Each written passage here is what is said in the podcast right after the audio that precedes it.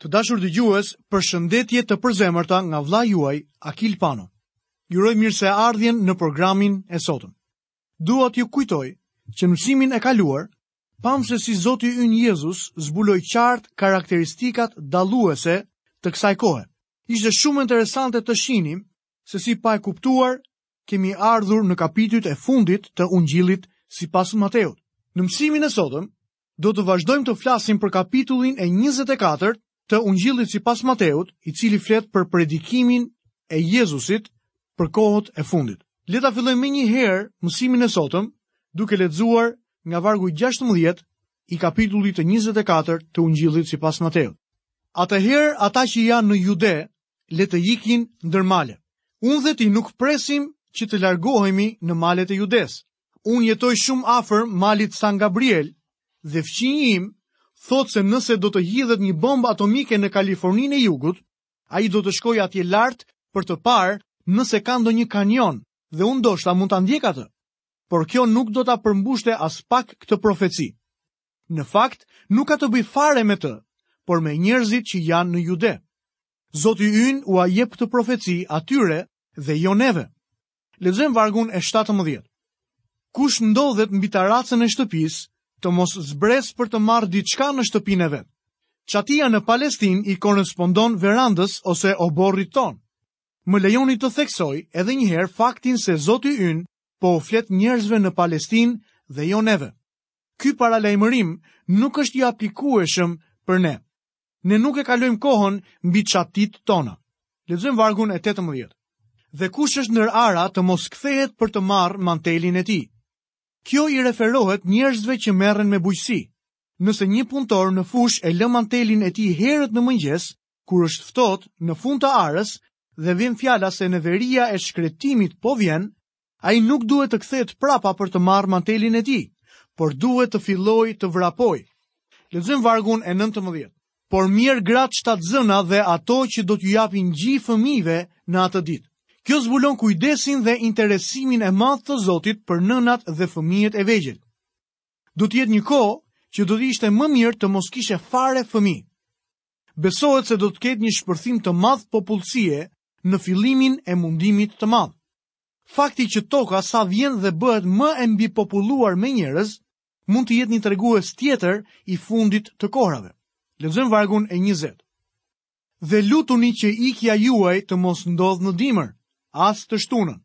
Këta janë njerëzit që zbatojnë ditën e sabatit, pra të shtunën. Kjo është një provë tjetër që Krishti u flet drejtpërdrejt hebrenjve. Unë nuk shkoj në kishë ditën e sabatit, por ditën e diel, sepse zoti im u ngrit nga vdekja pikërisht atë ditë. Le të lexojmë vargun e 21. Sepse atëherë nuk do të ketë një mundim aq të madh sa nuk ka ndodhur kurrë që nga krijimi i botës e deri më sot, dhe as nuk do të ketë më kurrë. Sepse atëherë nuk do të ketë një mundim aq të madh.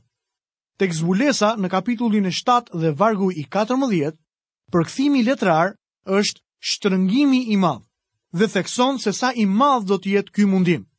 Me fjalë të tjera, ky mundim është unik i veçantë. Nuk ka pasur si ai në historinë e botës dhe nuk do të ketë kurrë të tillë. Vini re se Zoti ynë është i vetmi që e etiketon fundin e kohrave si mundimi i madh. Nëse ju gjeni gabime në këtë, flisni me atë dhe jo me mua. Vazhdimi i thënies së Jezusit është sa nuk ka ndodhur kurrë nga krijimi i botës e deri më sot, dhe as nuk do të ketë më kurrë. Meqenëse kjo është e vërtetë, besomni, njerëzit do ta njohin kur të mbërrijë. Kam dëgjuar njerëz të flasin për largimin e kishës me anë të mundimit të madh. Ata duket sikur nuk e kuptojnë se sa e rëndë do të jetë. Në fakt, disa njerëz thonë se ne tashmë jemi në mundimin e madh. Në rregull, e pranoj që gjërat në ditët e sotme nuk janë edhe aq mirë. Por kjo periudhë mund të krahasohet me çdo periudhë tjetër në histori. Kur mundimi i madh të vijë, nuk do të ketë asgjë as në të kaluarën, as në të ardhmen me të cilin mund ta krahasosh. Lexojmë vargun e 22.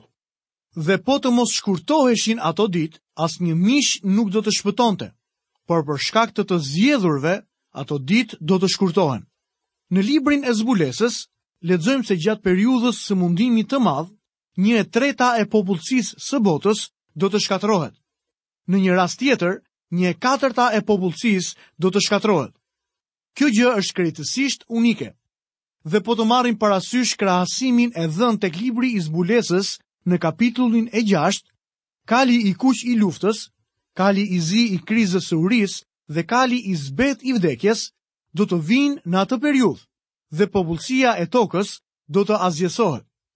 Dikur kjo dukej si ekzagjerim, madje edhe disa komentatorë të mirë e konsideronin një hiperbolë, Megjithatë, tani disa kombe të botës kanë bombën atomike, e cila mund të shkatërrojë popullsinë e botës.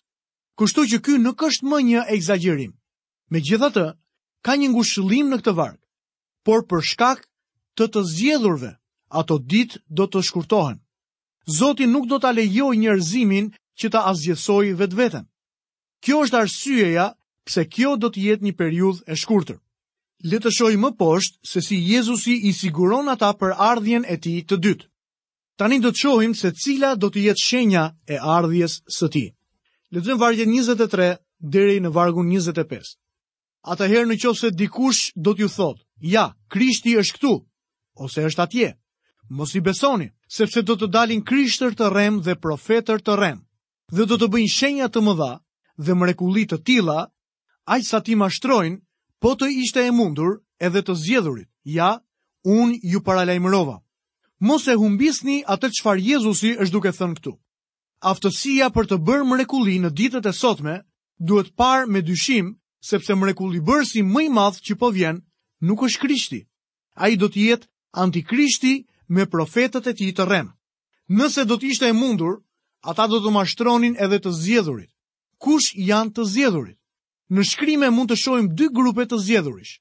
Zgjedhja e kombit të Izraelit dhe zgjedhja e kishës. Ne duhet të përdorim arsyen e thjeshtë për të kuptuar se për cilin grup bëhet fjalë. Për kë grup po flet Zoti Jezus në këtë kohë? Ai po flet për Izraelin. Pra Izraeli është i zgjedhuri në këtë varg. Jezusi nuk po flet këtu për kishën. Ju mund të mashtroni disa njerëz për ca kohë. Mund të mashtroni edhe të gjithë njerëzit për ca kohë, por nuk mund të mashtroni fëmijët e Zotit për gjithë kohën. Thjesht nuk mund të bëhet. Kam lexuar shumë letra që dëshmojnë këtë gjë. Letra e fundit ishte nga një grua e cila ishte larguar nga një kult fetar. Ajo pasi dëgjoi për muaj të tërë programin tonë radiofonik, arriti të kuptonte gabimin e mësimeve të këtij kulti që ajo frekuentonte. Nuk është e mundur të mashtrosh fëmijët e Zotit për gjithë kohën. Do të vijë një ditë kur ata do të dalin jashtë mashtrimeve. Lexojmë vargun e 26 dhe 27. Pra në qoftë se ju thonë, ja është në shkretëtirë, mos shkoni atje, ja është në dhomat e fshehta, mos u besoni, sepse si vetëtima që del nga lindja dhe flakëron deri në perëndim, kështu do të jetë ardhja e birit të njeriut. Kur Jezusi të vijë, nuk do të ketë ndonjë Gjon Pagëzor që të lajmërojë ardhjen e tij, po kur ai të vijë, e gjithë bota do ta dijë. Ardhja e tij do të jetë e dukshme si vetëtima, Kur kjo kohë të vijë, gjithsecili do ta kuptojë. Kështu pra do të jetë ardhja e dytë e Zotit tonë në tokë. Askush nuk do ta lajmërojë atë.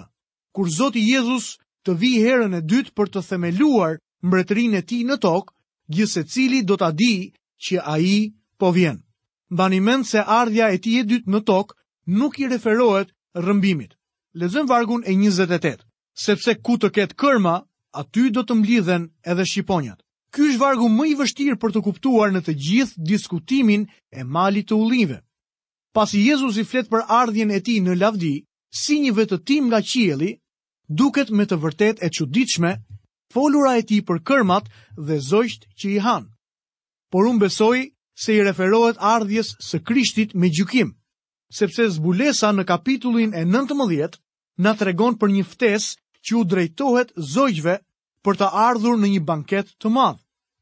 Tek Zbulesa, kapitulli 19 dhe nga vargjet 17 deri në 19, ne shohim: Ejani, mblidhuni në gostinë e madhe të Perëndisë, që të hani mish mbretërish dhe mish kapitenësh, dhe mish njerëzish të fuqishëm dhe mish kuajsh dhe kalorësish, dhe mishin e të gjithë njerëzve të të lirëve dhe të skllevërve.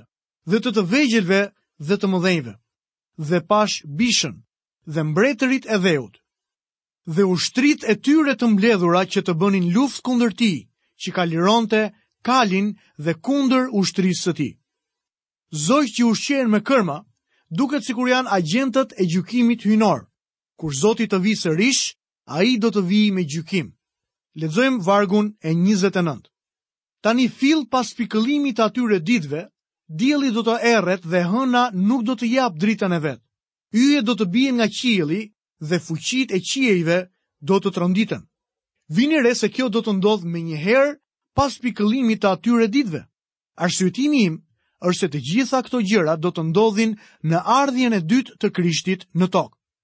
Lexojmë vargun e 30. dhe atëherë do të duket në qiell shenja e birit të njeriut. Dhe të gjitha kombet e dheut do të mbajnë zi dhe do ta shohin birin e njeriut duke ardhur mbi retë e qiellit me fuqi dhe lavdi të madhe. Dhe atëherë do të duket në qiell shenja e birit të njeriut. Çfarë është kjo shenjë? Sërish do të më duhet të arsyetoj.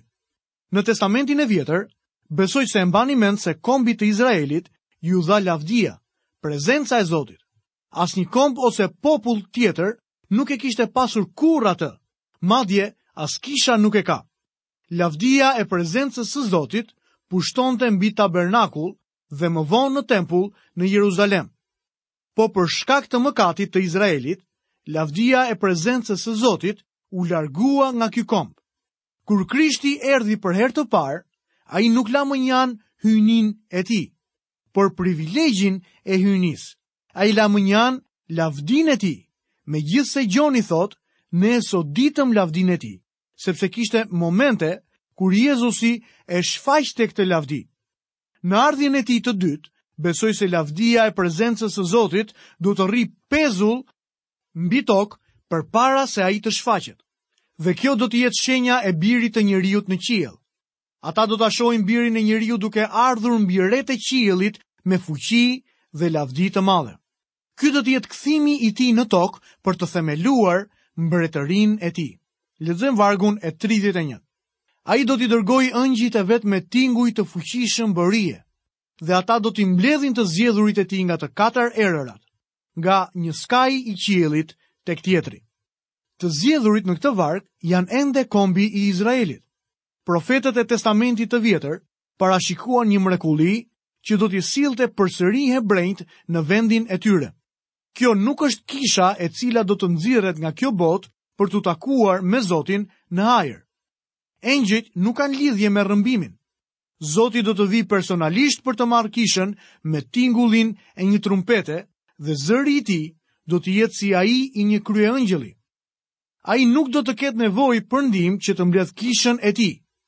Jezusi vdiq për kishën dhe ai do ta bashkojë atë.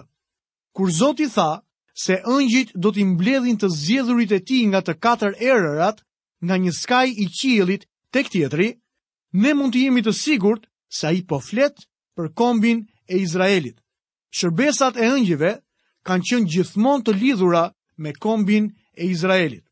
Tani le të shikojmë së bashku shëmbëlltyrën e pemës së fikut si një shenjë. Lexojmë vargjet 32 dhe 33. Tani mësoni nga fiku këtë shëmbëlltyrë. Kur tashmë degët e tij njomësohen dhe nxjerrin gjethet, ta dini se vera është afër. Kështu edhe ju, kur t'i shihni të gjitha këto gjëra, ta dini se ai është afër, madje tek dera. Pema e fikut nuk mund të përfaqësojë tjetër veçse kombin e Izraelit. Edhe në ditët e sotme, në këtë vend vazhdojnë të rriten shumë pemë fiku. Kopshtet me fiq në veri dhe vreshtat në jug të Jeruzalemit më kanë bërë gjithmonë shumë përshtypje. Pjesa jugore e Betlehemit është e mbushur me vreshta. Pemët e fikut dhe vreshtat identifikojnë këtë vend. Unë besoj se Zoti ynë e përdor pemën e fikut si simbol të Izraelit. Lexojmë vargun e 34. Në të vërtetë, po ju them, se ky brez nuk do të kalojë pa u realizuar e gjitha kjo.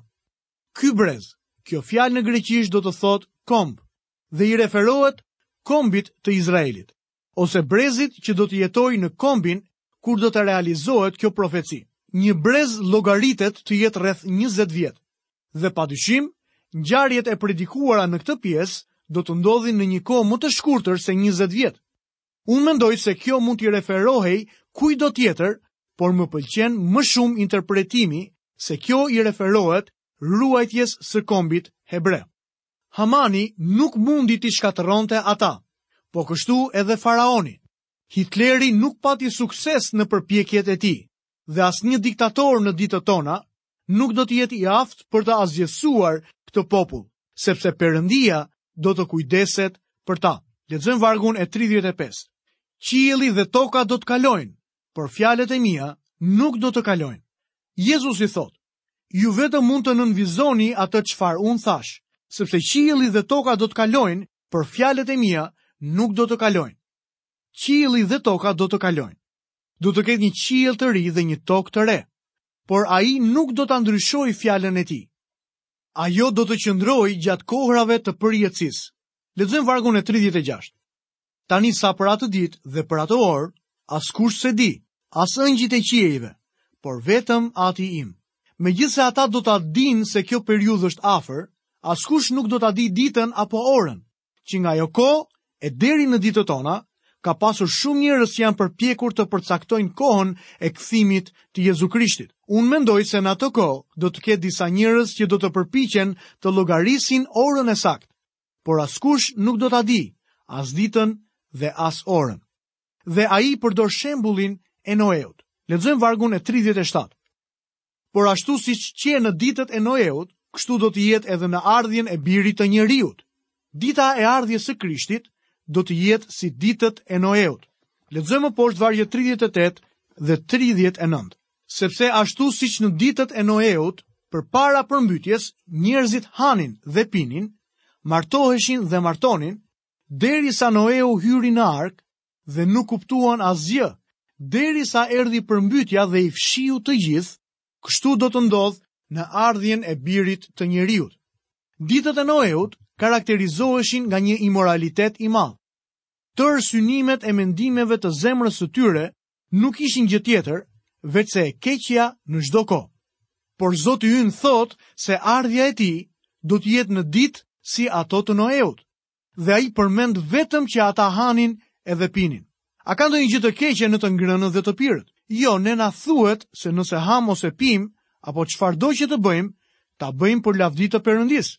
Megjithatë, në ditët e Noeut, njerëzit nuk hanin dhe pinin për lavdinë e Perëndisë. Ata në fakt jetonin sikur Zoti të mos ekzistonte fare. Një djalë i vogël për herë të parë në jetën e tij ishte i ftuar për darkë. Megjithëse po shkonte vetëm pak hapa larg shtëpisë së tij, për të ishte një ngjarje e madhe. Kështu që kur erdhi koha për të shkuar, nxitoi për tek shtëpia ngjitur me të tijen. Kur të gjithë u ulën në tavolinë për të ngrënë, djali automatikisht uli kokën për të falënderuar Perëndinë për ushqimin, sepse ai vinte nga një familje e krishterë. Papritur kuptoi se ishte i vetmi me kokën e ulur, ndërsa gjithë të tjerët i ishin futur me kokë ushqimit. Ai hapi sytë dhe pa asnjë hezitim tha, Nuk e falënderoni Zotin për ushqimin? Për një moment ra një qetësi e sikletshme. Pastaj e zonja e shtëpisë tha, Jo, nuk e bëjmë. Djaloshi u mendua për një moment dhe pastaj tha, Ju jeni njëlloj si qentë e mi. Ata i përvishen menjëherë ushqimit. Shumë njerëz sot marrin ushqimin që vjen nga duart e Zotit tre herë në ditë, ndërkohë që miliona të tjerë vdesin urie. dhe ata as që kujtohen ndonjëherë për ta falënderuar Zotin. Dhe në ditët e ardhshme, kur ata të jenë tamam në prag të ardhjes së Krishtit, do të vazhdojnë të jetojnë po kështu, sikur nuk do të ndodhë asgjë. Kështu pra ishin njerëzit në kohën e Noeut, martoheshin dhe martonin, Por pa dyshim që Zoti ynë nuk po thotë se martesa është e gabuar. Theksi këtu qëndron në atë që ata i mohuan krejtësisht paralajmërimet e Zotit nëpërmjet Noeut. Ata vazhdonin me martesat e tyre, madje ndoshta edhe me ceremonitë e këtyre martesave në kishë, edhe në ditën kur Noeu hyri në arkë. Ata jetonin sikur Zoti të mos ekzistonte fare. Ata nuk besonin në gjykimin e tij dhe përbuzën paralajmërimin e përmbytjes së afërt. Dhe nuk kuptuan asgjë, derisa erdhi përmbytja dhe i fshiu të gjithë. Kështu do të ndodhë në ardhjen e birit të njeriut. Të dashur dëgjues, ja ku kemi mbërritur dhe në fundin e programit të sotëm. Jam shumë mirënjohës Perëndisë që keni qëndruar së bashku me mua përgjatë gjithë minutave të emisionit të sotëm. Në mbyllje të këtij emisioni, uroj të gjitha bekimet e Zotit dhe paqen e tij në jetën tuaj. Nga unë vëllai juaj Akil Pano, mirudëgjofshim në emisionin e ardhshëm.